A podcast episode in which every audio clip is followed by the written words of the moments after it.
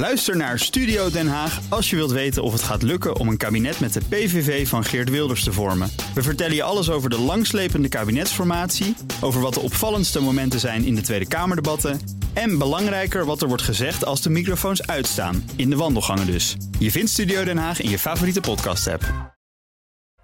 BNR's Big Five van het duurzaam beleggen wordt mede mogelijk gemaakt door Triodos Investment Management. Al 25 jaar pionier in groen beleggen. Heb jij de BNR-app al? Met breaking news en live radio? Download de app en blijf scherp. BNR Nieuwsradio. The Big Five. Art Rooijakkers. Duurzaam beleggen. Het is volop in ontwikkeling. Maar het is nog lang niet altijd duidelijk wat een belegging nou echt duurzaam maakt.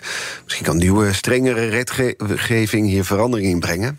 Vraag is ook of beleggers daar eigenlijk wel op zitten te wachten. Of hebben groene investeringen nog een lange weg te gaan voordat ze echt veel geld opleveren? Dat ga ik allemaal bespreken met vijf experts uit en over de financiële wereld in BNR's Big Five van duurzaam beleggen. Vandaag doe ik dat met Jacqueline van den Ende. Ze is oprichter en CEO van het groene investeringsplatform Carbon Equity. Welkom. Dankjewel. We gaan het over een heleboel hebben hoor, het komende uur. Over de goede bedrijven waar jullie platform zich op richt. Maar ik wil eerst graag twee dingen van je weten. Waar beleg je je eigen geld in? Uh, nou, met name op de beurs. Uh, dus, uh, en dan met name in groenbedrijven. Dingen als Orsted bijvoorbeeld zit ik groot in. En allemaal groene ETF's of duurzame ETF's. Er is nog wel het verschil tussen. Ja, ja exact. Ja. Waar komt jouw passie vandaan om dit te doen? Dat is mijn tweede vraag. Uh, nou ja, één, uh, ik denk dat het het meest relevante thema is om mijn tijd en talent aan te besteden. Een thema wat voor de komende decennia nog relevant blijft. Uh, dus. Je las een boek? En dan las je iets in wat, waar je enorm van schrok.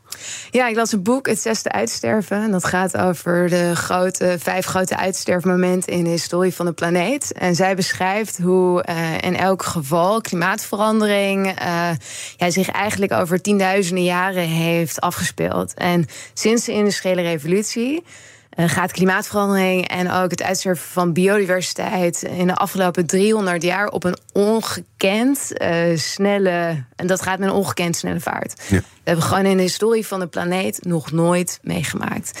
En dat deed mij beseffen dat ja, de mensheid dat uh, misschien dan ook niet op een gegeven moment overleeft. En, en, en of het nou wel of niet overleeft, dat is misschien niet zozeer punt. Maar de kwaliteit van leven uh, zal hier uh, drastisch door worden beïnvloed. Ja, en dus dacht je, daar wil ik iets aan doen. Dan zijn er mensen die op de A12 gaan staan, bijvoorbeeld. Ja. Maar dit is voor jou de manier om iets te doen aan het klimaatprobleem.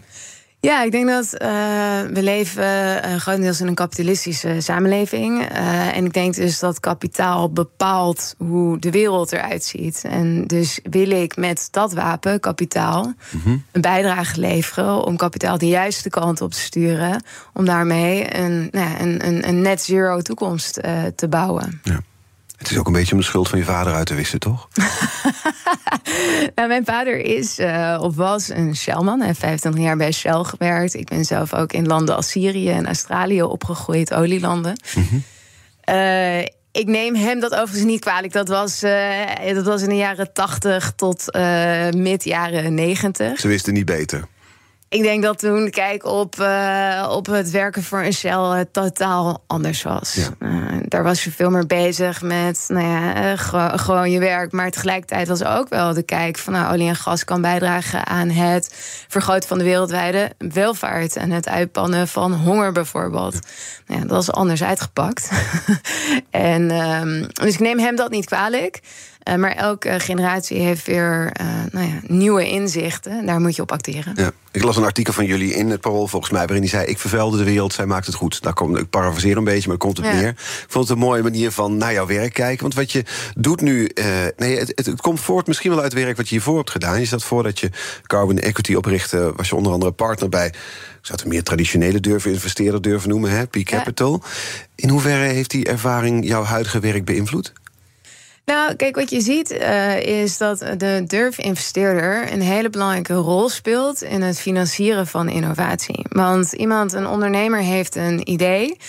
Nou, die, uh, ja, die gaat dat verkopen. Maar dan, om iets echt op te schalen vanuit een idee naar een groot en schaalbaar bedrijf dat dus heel veel impact heeft, is kapitaal nodig. Wat dat risico durft aan te gaan van in een vroege fase onderneming investeren. Mhm. Dus durfkapitalisten zorgen voor het kapitaal om iets van idee tot realisatie te brengen. En twee, ze helpen daarnaast niet alleen met kapitaal, maar ook met de inzet van hun netwerk en advies. Mhm. En zorgen voor uh, follow-on funding bijvoorbeeld. Dus ik denk dat uh, venture capital of durfkapitaal en ook private equity uh, een belangrijke rol kunnen spelen in zorgen dat we de nieuwe technologieën uh, gaan ontwikkelen die we nodig hebben om tot die CO2-vrije toekomst te komen. Ja. Dat zijn wel allemaal van die mannetjes. En dan kom jij eraan als vrouw en dan zeg je nee, duurzaamheid en commercieel succes gaan hand in hand. En dan zeggen zij, nou, dat is allemaal veel te idealistisch. Nou, daar. Da daar ben ik het niet mee eens. Er zijn inmiddels iets van duizend uh, klimaatfondsen. Uh, veel al overigens diverser dan de traditionele uh, venture capital en private equity fondsen. Die, heel, die 100% geloven in. Klimaattechnologie is een van de belangrijkste investeringsthema's van de komende decennia. Mm -hmm. En twee, uh, wij geloven dat je door te investeren in kapitaal of in klimaattechnologie juist de meest lucratieve investeringen kan doen. Zowel vanuit een planetair oogpunt, maar ook vanuit een financieel oogpunt. Mm -hmm. Want elke markt voor duurzame oplossingen, denk aan waterstof, denk aan carbonopslag bijvoorbeeld, denk aan uh, duurzame energie. Dat zijn allemaal markten die groeien met meer dan uh, 10% per jaar. Dat zijn de snelst groeiende markten die we hebben in de wereld. Dus waarom zou je niet in die industrie willen investeren. Hm. Ja, omdat dan in, in, in jouw wereld, zou ik maar zeggen, het idealisme niet altijd even makkelijk te vinden is, toch? Nou, ik denk dat. Of zet ik het nu heel makkelijk weg, de stereotype? uh, idealisme misschien niet, opportunisme wel. Ja. Als in er zit een grote kans. Ik denk overigens wel dat we een verschuiving beginnen te zien, ook in die kapitaalwereld. Dat en de meeste van die climatefondsen die worden opgericht vanuit er is een opportunity, maar ook hè, ik wil mij inzetten voor een betere wereld. Mhm. Mm -hmm. Dus ik wil mijn, mijn kapitaal, uh, ja, ik wil daar een goed rendement mee realiseren. Maar twee, ik denk en ik wil dat eh, ik wil daar meer mee doen dan puur financieel rendement realiseren. Precies voor mij de reden om op een gegeven moment te stoppen bij. En op een gegeven moment dacht ik van ja, ik ben wel in hele mooie bedrijven aan het investeren, maar uh, uiteindelijk ben ik vooral geld aan het verdienen voor mensen die al heel welvarend zijn. Mm. Terwijl ik kan mijn ja, tijd en talent ook inzetten om uh, met diezelfde moeite uh, te zorgen dat we een betere wereld creëren. Nou. En voor je gevoel ben je dat nu aan het doen? Ja, dat denk ik wel. Ja, en dat doe je met Carbon Equity door dus... Uh, het is een, een privaat equity platform... en dan kunnen particulieren vanaf uh, 100.000 euro investeren... in allerlei klimaatoplossingen. En dan moet je denken aan CO2-vrij cement kwam ik tegen. Ik zag vleesvervangers, ik zag gigabatterijen. Ja. Uh, dat soort bedrijven dat soort, die daarin zitten... daar kun je dan in investeren. Maar de verwacht rendement zeggen jullie 10, 15 procent op jaarbasis. Ja, precies. Over de hele duur van. Dus het is niet zo dat je er dividend uit trekt. Je krijgt niet elk jaar zo'n 10, 15 procent rendement bijgeschreven. Maar het verwacht rendement over de looptijd uh, tussen het moment dat je je geld inlegt en het moment dat je het geld terugkrijgt, ongeveer 10 tot 15 procent per jaar. Ja, waardoor je dus, want ik zat het gisteren nog eens te bekijken, waardoor je zegt als je een ton inlegt, kun je 2 tot 2,5 keer terugkrijgen. Ja, precies. Hoe kan. zit dat nou precies? Voordat ik het wist, had ik me ingeschreven. Dus ik moet me nog even uitschrijven, want anders ben ik in één keer geïnvesteerd bij jullie. Nee, lekker blijven hangen. Maar dat kan, ja. ja. Maar dat is een beetje natte, vinger, uh, natte vingerwerk? Of? Nee, kijk, om. Um, om, hè, dus bij Carbonecte investeer je in fondsen, dus niet in individuele nee. bedrijven. Uh, doordat je in een fonds investeert, heb je het voordeel dat een professionele investeerder voor jou belegt. Hè, die investeert ja, in je spreidt natuurlijk. En je spreidt. Belangrijk om op te merken, dit zijn allemaal bedrijven die niet beursgenoteerd zijn. Hè, dus het is heel anders dan je ESG-tracker. Mm -hmm. En wij doen in onze selectie van die fondsen, kijken we uitgebreid naar een track record, noem je dat. Hè. Dus wat zijn de behaalde resultaten uit het verleden? Mm -hmm. Die geen garantie bieden. Die geen garantie bieden, nee zeker. Uh, zowel op impactvlak, en dat is eigenlijk het belangrijkste. Dat is, dat is echt nummer één. Eerst kijken van, is dit fonds een van de top 5% wereldwijde fondsen... die de meeste klimaatimpact kunnen realiseren? En twee, kijken we naar een financiële rendement... van wat heeft men dan in het verleden geleverd... En verwachten wij dat ze dat opnieuw kunnen leveren. Dus op basis daarvan, historische resultaten, hebben we een verwachting. Durf je die belofte aan? Die belofte is niet, sorry, die verwachting durf je. Ja, exact. Ja. Ik vroeg het gisteren aan mijn gast, en, maar aan jou kan ik nog veel beter vragen. Kunnen we ons eigenlijk uit de klimaatproblemen beleggen? Nou, ik denk het niet. Ehm, uh, ik denk. Uh, Want als jij maar genoeg geld ophaalt, ja. dan kunnen die bedrijven mooie oplossingen verzinnen. Win-win situatie. Ja, nee, is zo. Dus ik denk dat technologie een hele belangrijke factor is. Maar met alleen technologie gaan we het niet redden, denk ik. Dus ik denk dat je en de overheid nodig hebt om bijvoorbeeld, hè, om eigenlijk, dat noem je een level playing field uh, te creëren voor duurzame en niet duurzame bedrijven. Door nou, alle belastingen die uh, Wopke Hoekstra nu uh, hopelijk gaat implementeren. Mm -hmm. Je hebt de consument ook nodig om nou, toch ook consumptiepatronen aan te passen. Van uh, niet duurzame keuzes naar uh, bewustere en duurzamere keuzes. Hm. Dus ik denk dat technologie een end kan helpen. Maar ik denk dat dat niet uh, alleen de oplossing is. De Big Five. Art Rooijakkers. Met vandaag de gast Jacqueline van den Ende, oprichter van het duurzame investeringsplatform Carbon Equity. Merk je eigenlijk een toename van interesse vanuit beleggers voor uh, duurzaam beleggen?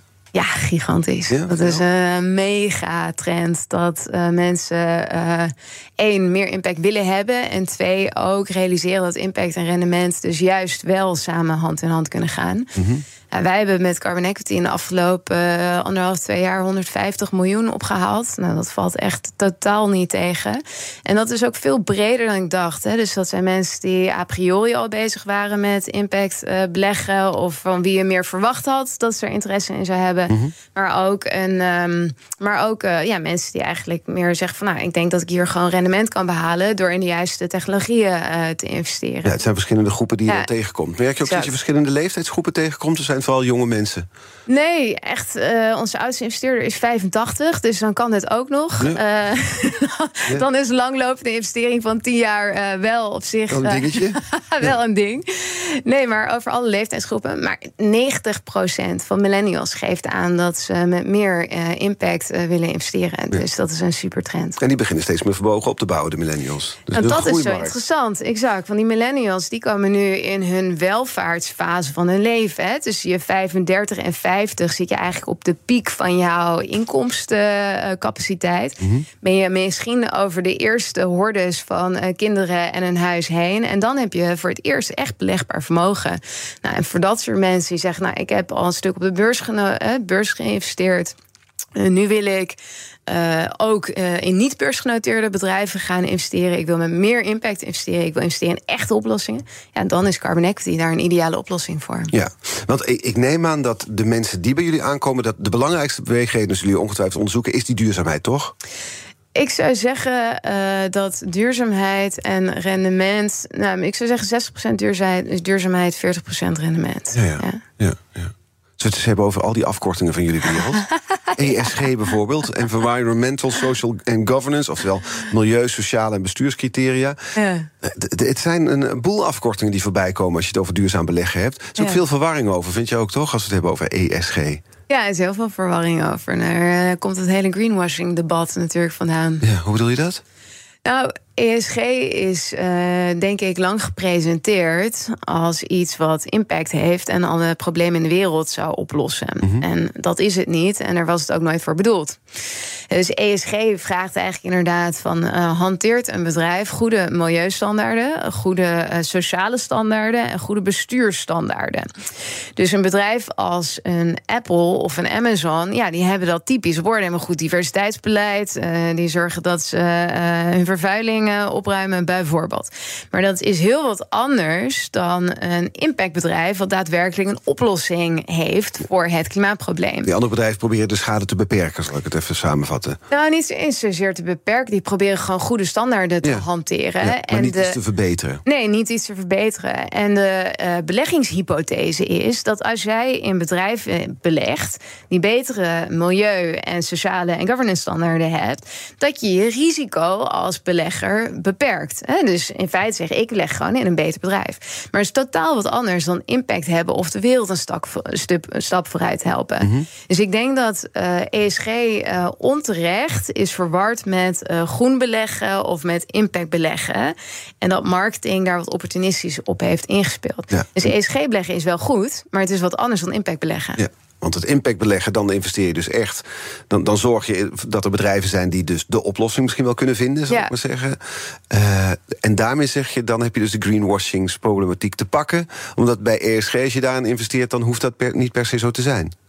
Ja, zeker. Dus de impactbelofte van de ESG, die klopt vaak niet. Dus dan heb je mensen die bij ons, aankloppen, bij ons aankloppen en zeggen... nou, ik heb eens een keertje mijn ESG-portefeuille gekeken... en ik zag daar uh, uh, JP Morgan en ik zag daar uh, Amazon en Google en Facebook in zitten.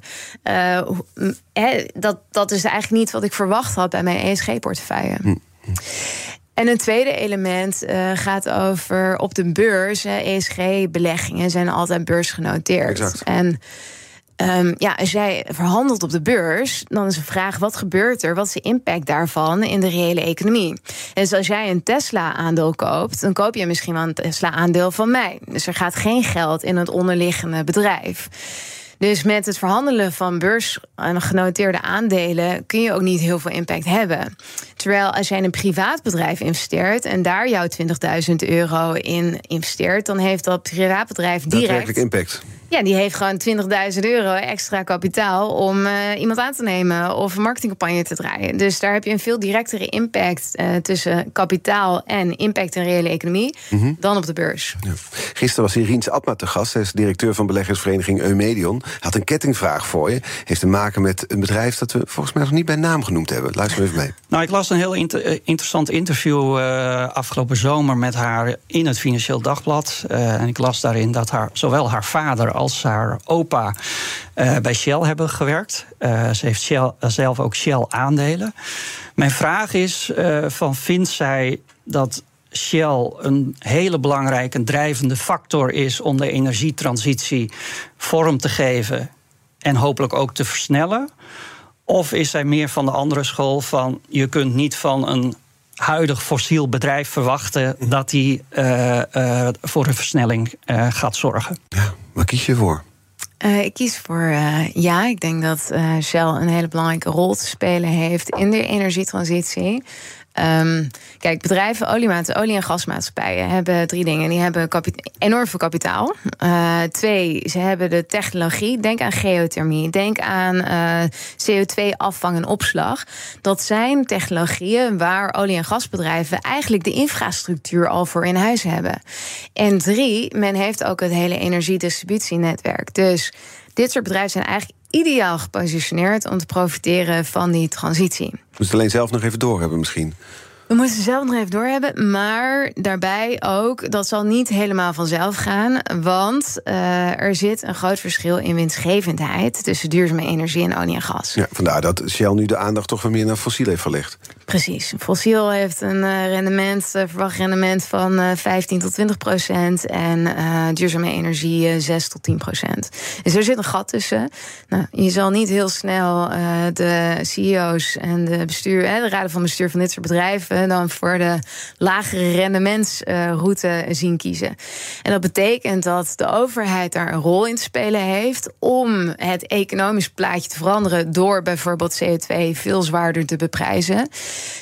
Twee, ik denk dat de aandeelhouder daar ook een rol in spelen heeft. Om te zeggen van ja, wij hoeven niet het maximale rendement.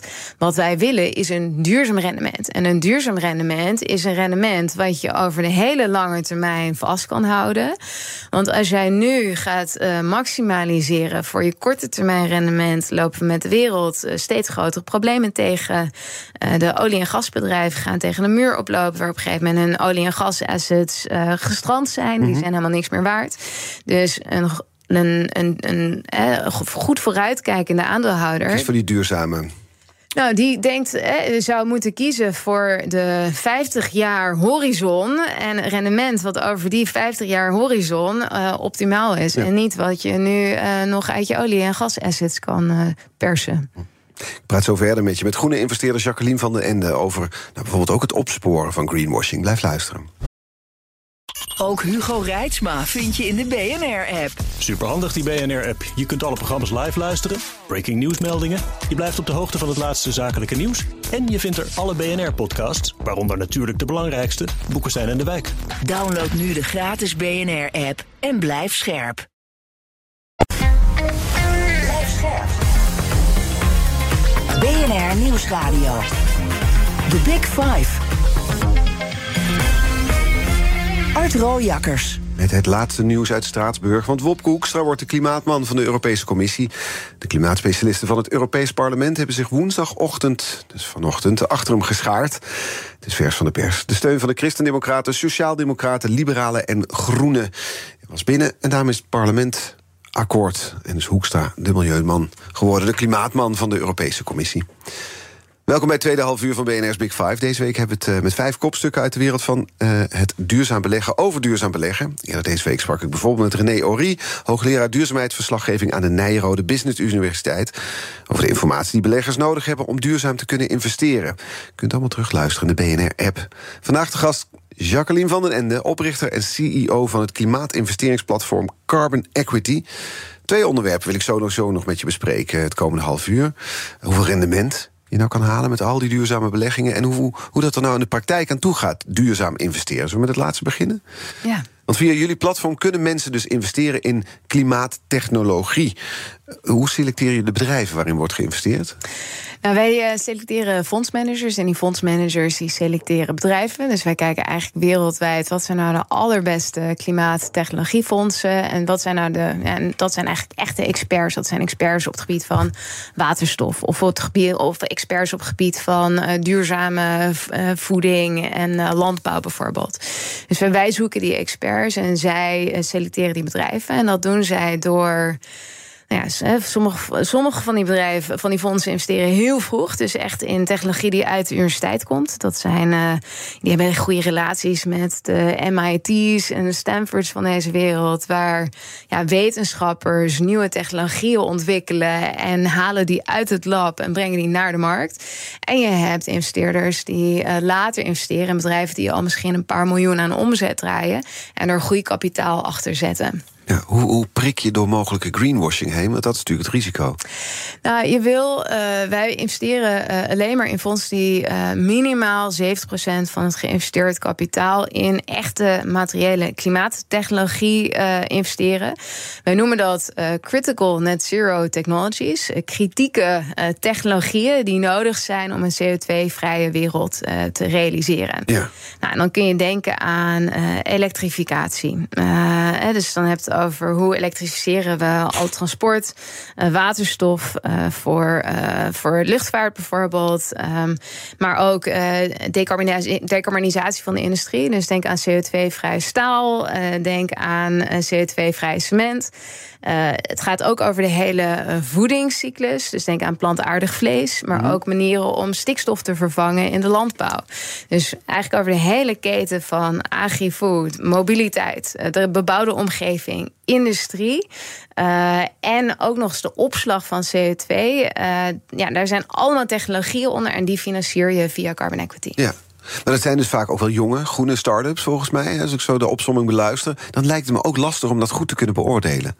Ja, start-ups en scale-ups. Ja. Uh, dus het zijn uh, zowel bedrijven die ja, echt inderdaad nog, uh, nog echt een idee-fase zijn. En je hebt bedrijven die al wat bewijs hebben. Ja, ja dus je, je kijkt eigenlijk bij die technologieën van wat is de CO2-besparing die jij op unit-niveau kan realiseren. Dus als jij bijvoorbeeld een ton aan cement realiseert, hoeveel is de besparing in CO2 versus de klassieke manier van CO2 produceren. En twee, kijk je hoe schaalbaar is die technologie. Want je kan wel een hele goede technologie hebben, maar als die 20 keer zo duur is dan de huidige technologie. Uh, en je niet denkt dat je die prijs kan verlagen, dan wordt het heel moeilijk om uh, te zorgen dat de industrie dat ook daadwerkelijk gaat afnemen. Mm -hmm. Dus je kijkt naar impact en naar schaalbaarheid van die impact om het potentieel van een bedrijf te beoordelen. Ja. Jullie zijn nog niet zo heel lang bezig, maar heb je er wel eens naast gezeten? Met een bedrijf of fondsen, stap je er dan meteen uit? Of hoe, hoe, hoe We ga je hebben er om? gelukkig nog niet naast gezeten. Uh, het komt wel eens voor, overigens, dat er bedrijven in zitten die hè, die minder impact hebben of waar issues zijn die we liever niet hadden gezien. Uh, bijvoorbeeld het bedrijf Southpol zit in een van die fondsen. Nou, daar heeft Follow the Money eigenlijk over geschreven. Ging dat het ook weer over, die carbon credits of die zo, carbon toch? credits, Ja. ja. precies. Die carbon credits die werden eigenlijk op een verkeerde manier of volgens een oude methodiek eh, werden die nog eh, uitgegeven, waardoor de impact daarvan werd overschat. Nou, en dat zijn issues die moeten worden, ja, die die nemen wij op met de fondsmanagers en de fondsmanagers ook weer met die bedrijven. Ja. Nee, je, je, noemt het nu, maar veel, veel, fondsen noemen zichzelf natuurlijk groen. Ja. Uh, en je noemt nu uh, Follow the Money. Ik, ik, kwam nog een verhaal van ze tegen. Afgelopen jaar doken ze samen met Investico... en een aantal andere media in de wereld... van investeringsfondsen. Zij concludeerden dat de helft van de Europese beleggingsfondsen... die zichzelf donkergroen noemen... Toch in de fossiele industrie of de luchtvaart investeert. Verbaasde dat nieuws jou? Uh, nee, helemaal niet. Want nee? wat is nou precies uh, wat het verschil is tussen ESG en impact investeren? Ja, waar we het over hadden, dat ESG. Exact. Je kan dus prima als een ESG-fonds zou je prima in een Shell kunnen beleggen, omdat je zegt de milieu, uh, de, het milieubeleid van een Shell is progressiever dan dat van BP of van een andere van Saudi Aramco bijvoorbeeld. Mm -hmm. Dus uh, als zij de juiste uh, policies in plaats hebben, zou je dat als een ESG-bedrijf kunnen zien. En dus dat verbaast mij totaal niet. Uh, ik denk dat daar gewoon echt een misverstand is van wat is ESG. Ja, de gemiddelde belegger zal het wel verbazen. Ja, dat, dat zeker. Ja. Ja, ja. ja. Dan zijn er allerlei regels natuurlijk. En die regels worden ook steeds uh, strenger. Sinds ja. maart 21 heb je in Europa, hoe heet het? De Sustainable Finance Disclosure Regulation. Ja, uh, voor beleggers eigenlijk bedoeld om ja, hoe achter te komen hoe je geld bijdraagt aan een duurzame wereld, zeg maar. Die regels worden steeds aangescherpt. 2024 komen er ook weer nieuwe regels aan. We hebben het er deze week over gehad uh, in de Big Five. Is het allemaal nodig? Ja, ik denk dat dat wel. Uh, het is nodig, het is nuttig. Het is ook heel veel. Uh, het zorgt weer voor een extra compliance last uh, bij bedrijven. Precies, weer een enorme regeldruk natuurlijk, toch? Heel veel regeldruk die niet altijd soort van het gewenste resultaat oplevert. Nee? maar ik denk dat op zich het de wens om meer informatie te verschaffen aan de consument, waardoor de consument betere keuzes kan maken, dat dat wel een goede denkrichting is. Ja. Maar die regeldruk die, die, die, die weegt niet altijd op tegen wat je wil bewerkstelligen? Nee, want bijvoorbeeld voor jonge fondsen, bijvoorbeeld, hè, die, uh, nou, die nog heel klein zijn of uh, relatief recent zijn gestart, dan kan de regeldruk niet opwegen tegen. Ja, het zorgt voor heel veel kosten en het zorgt voor heel veel tijd en het zorgt voor heel veel druk. terwijl de meerwaarde in uh, transparantie daar niet altijd even tegenop weegt. Maar ik denk dat de beweging aan zich heel positief is. Ja. En dat we ook gewoon beter moeten leren hoe doen we die reporting, hoe doen we dat op een kostenefficiënte manier. De hele tooling daarvoor moet nog worden ontwikkeld. En dus als we erover nadenken, ja, we zijn al honderden jaren bezig met het ontwikkelen van accountancy frameworks. Mm -hmm. En, uh, en, en die hele duurzaamheidsreporting, dat is allemaal over de afgelopen tien jaar pas uh, ontwikkeld. Ja, dus we hebben nog even te gaan, bedoel je met te dus zeggen? nog even te gaan en het bedrijf moet zich daarop aanpassen. En dat zal tijd en moeite kosten. Uh, maar we komen er wel. Ook Diana Matroos vind je in de BNR-app. Ja, inderdaad. Je kunt live naar mij luisteren tijdens de Big Five. Ook handig in de BNR-app. Breaking nieuwsmeldingen, maar ook het allerlaatste zakelijke nieuws. En je vindt in de app alle BNR-podcasts, waaronder Wetenschap Vandaag. Download nu de gratis BNR-app en blijf scherp. BNR Nieuwsradio. The Big Five. Art Rooijakkers. Je luistert naar BNR's Big Five van het duurzaam beleggen. Later deze week praat ik nog met Dirk Broeders. Hij is hoogleraar Finance aan de Maastricht University. Hij is ook Senior Risk Manager bij de Nederlandse Bank. Onder andere over de groene beloftes van pensioenfondsen. Vandaag de gast Jacqueline van den Ende, oprichter van het klimaatinvesteringsplatform Carbon Equity. Ik was er gisteren wat op aan het uh, grasduinen. Het ziet, er, het ziet er allemaal veelbelovend uit. Het ziet er ook uit als iets wat iedereen wel zou willen. Namelijk bijdragen aan een meer duurzame wereld... en tegelijkertijd ook nog eens rendement halen. Ja. Hoeveel geld valt er nou echt te verdienen als belegger? Ja, onze prognose voor een uh, fund of funds, het Climate Tech Portfolio Fonds, waar je uh, dus met uh, vanaf 100.000 euro in een stuk of 150 tot 200 klimaattechnologie, start-ups, scale-ups en volwassen bedrijven investeert, is ongeveer dat jij over de looptijd van het fonds 2 tot 2,5 keer je geld terug zou krijgen. Ja, de looptijd is? 10 jaar en dat kan uitlopen tot 12 jaar. Dus het is wel echt een lange termijn investering. Ja, ja, en dat kun je dus twee, tweeënhalf keer kun je dat terugkrijgen. Ja. Maar het is buiten toezicht van AFM, we hadden het er al over. Dus ja.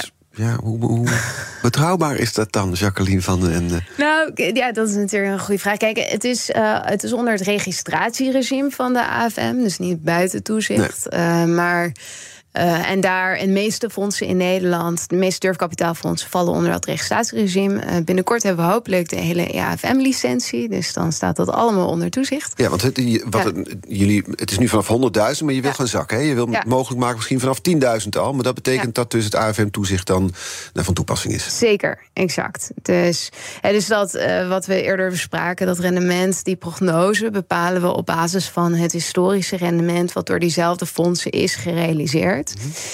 Waarom wil je eigenlijk zakken? Ja. Waarom wil je minder inleg uh, toelaten? Nou, uh, dat heeft eigenlijk een meer ideële uh, reden. Uh, en de reden is dat wij meer mensen mede-aandeelhouder willen maken van die CO2-vrije toekomst. En meer mensen mee willen laten delen in de waardecreatie daarvan.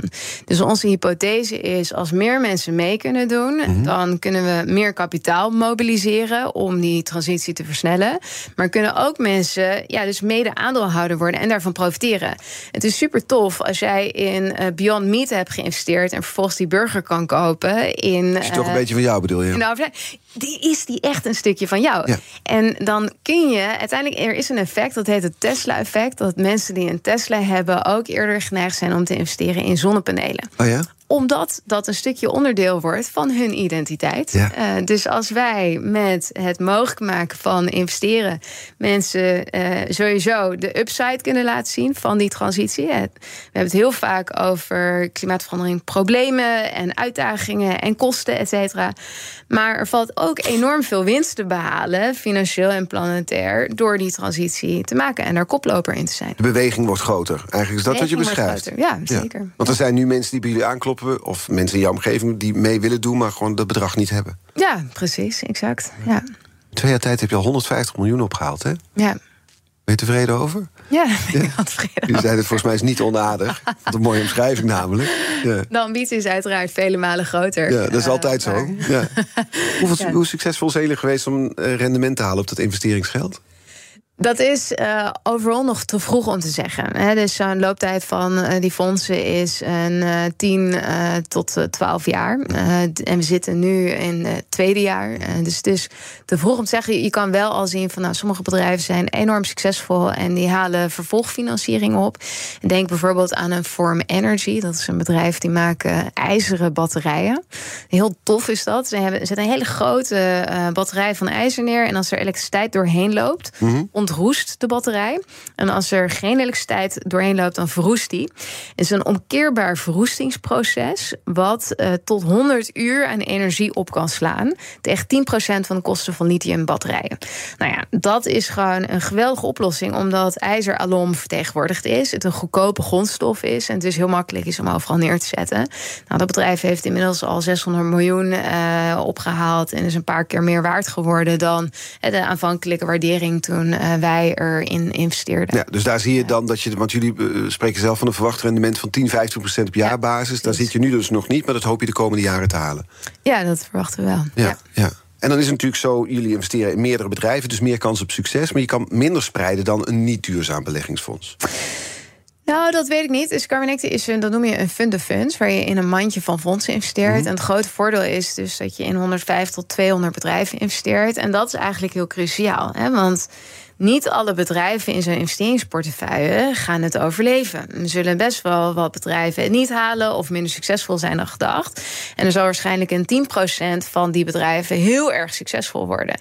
Dus spreiding, als je gaat investeren in hoger risico uh, type takken van sport, mm -hmm. is spreiding essentieel. Mm -hmm. Ja, dus, dus het is minder risico, het is waarschijnlijk minder spreiding dan als jij in de World Index uh, ETF uh, tracker op de beurs gaat zitten. Ja. Dus, maar, ja, dan draag je niet bij in een betere wereld, zeg jij dan. Ja, en voor een investering in de private markten is wel dit, is dit de meest gespreide vorm van investeren. Ja, ja. En is het nou echt zo? Ik zit erover na te denken wat je net zegt. Dat als mensen in een Tesla rijden, dat ze eerder geneigd zijn om te investeren in zonnepanelen. Is het zo dat mensen zich echt duurzamer gaan gedragen als ze duurzaam beleggen? Ik denk dat met duurzaam beleggen dat dat misschien uh, een, uh, een, een, te klein iets is. Ik denk dat de, de, Tesla en vooral in het begin was ook een beetje een statussymbool. Ja. Van hé, hey, uh, ik ben. En, en niet alleen voor mensen die puur duurzaam waren, maar mensen ook die heel snel weg wilden bij het stoplicht. Eh, dat en, eh, en ook gewoon mensen die rijk waren. Eh, en, en dat heeft dus wel, blijkbaar heeft dat wel wat gedaan voor de soort van groene identiteit. Dat mensen toch daar trots op zijn. En daardoor een opening creëren om ook meer te doen aan duurzaamheid in het leven. Plus, als jij duurzame energie hebt op je dak, dan kun je je elektrische auto weer veel goedkoper opladen. Dus het is ook niet zo onlogisch. Nee. Jij bent een wereldburger. Je hebt over de hele wereld geleefd in je jeugd, hè, dankzij het werk van eh, je vader. Je hebt in, in Vietnam een soort, een soort funda opgezet. De Filipijnen, ja. De Filipijnen, ja. excuus. Ja. Heb je daar gedaan? Dus je- jij denkt over de hele wereld. Als je dan naar Nederland kijkt. Ja. En naar, naar ons eigen land, waar we nu zitten met z'n tweeën in zo'n studio. Een kleine radiostudio in een klein land op zo'n hele grote wereld. Wat kunnen wij voor verschil maken? Ja, dat, dat is een goede vraag. Nou, ik denk. ehm, in Nederland eh, zijn wij koploper, eh, of ehm, zouden we moeten ambiëren om koploper te zijn op innovatie. We hebben een aantal fantastische universiteiten. Je hebt Delft en Eindhoven op technologie, maar je hebt Wageningen op voedseltechnologie. Dat is waar wij enorm veel verschil kunnen maken. En die innovatie is heel belangrijk om te zorgen, één, dat we de alternatieven hebben, maar twee, ook dat we de kosten van die alternatieven vergelijkbaar krijgen met eh, huidige fossiele alternatieven. Want dan pas krijg je een echt een omslagpunt. Dus ik denk dat Nederland een hele grote rol heeft in het eh, financieren en het stimuleren van die innovatie en een voorbeeldrol zijn voor de rest van de wereld. En tegelijkertijd zullen we heel veel dingen op Europees niveau moeten doen. Hè? Dingen als eh, CO2-beprijzing. Als je dat in Nederland alleen gaat doen, ja, dan zegt eh Mickey Adriaanse van eh Economische Zaken van ja, dan prijzen wij ons Europa uit markt, ja. En dat is ook een legitieme. dat, dat, dat, dat, dat is ook zo. En dus we zullen heel veel op internationaal vlak moeten doen. En zonder India en China gaat er ook niet heel veel gebeuren. Tegelijkertijd in China gaat het razend hard. Die energietransitie gaat veel sneller dan in de rest van de wereld. En zij maken daar hun competitief voordeel van. Die elektrische auto's eh, zijn, zijn nu wereldmarktleider in. Want Europa heeft toch wel liggen slapen op elektrificatie.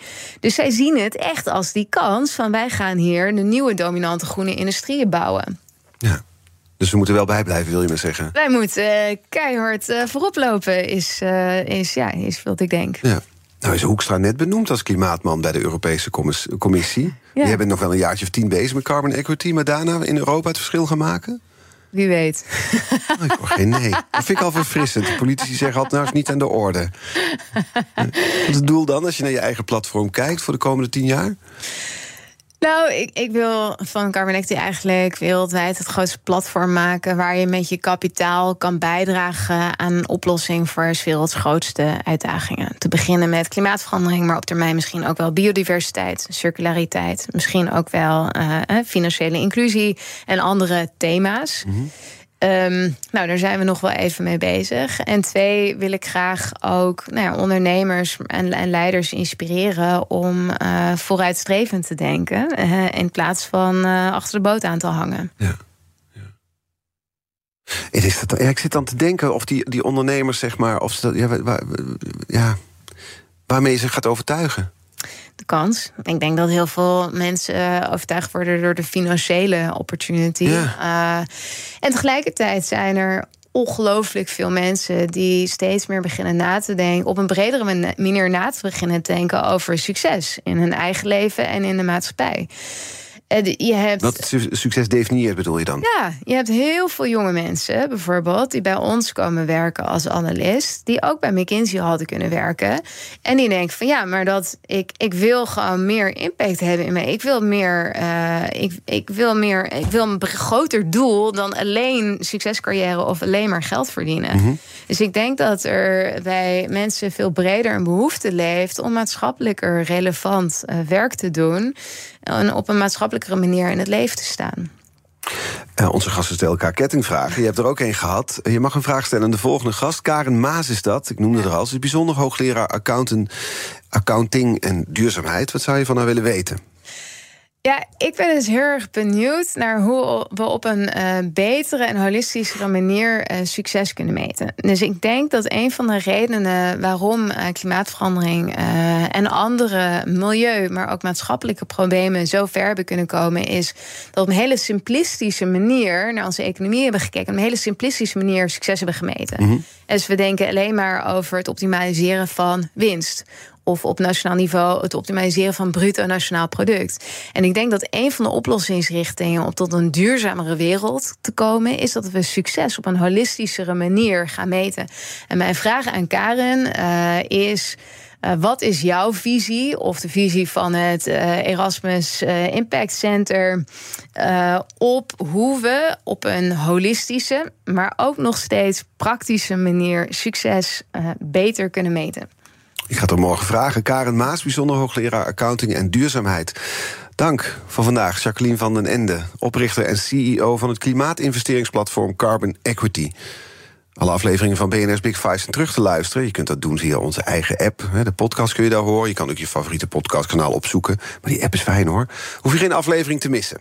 Nu op deze zender BNR Zaken doen met Thomas van Zel. Tot morgen. BNR's Big Five van het duurzaam beleggen wordt mede mogelijk gemaakt door Triodos Investment Management. Al 25 jaar pionier in groen beleggen. Bij BNR ben je altijd als eerste op de hoogte van het laatste nieuws. Luister dagelijks live via internet. Bas van Werven. En heel langzaam komt de zon op rond dit tijdstip. Je krijgt inzicht in de dag die komt op BNR, het Binnenhof in Nederland en de rest van de wereld. De Ochtendspits. Voor de beste start van je werkdag. Blijf scherp en mis niets.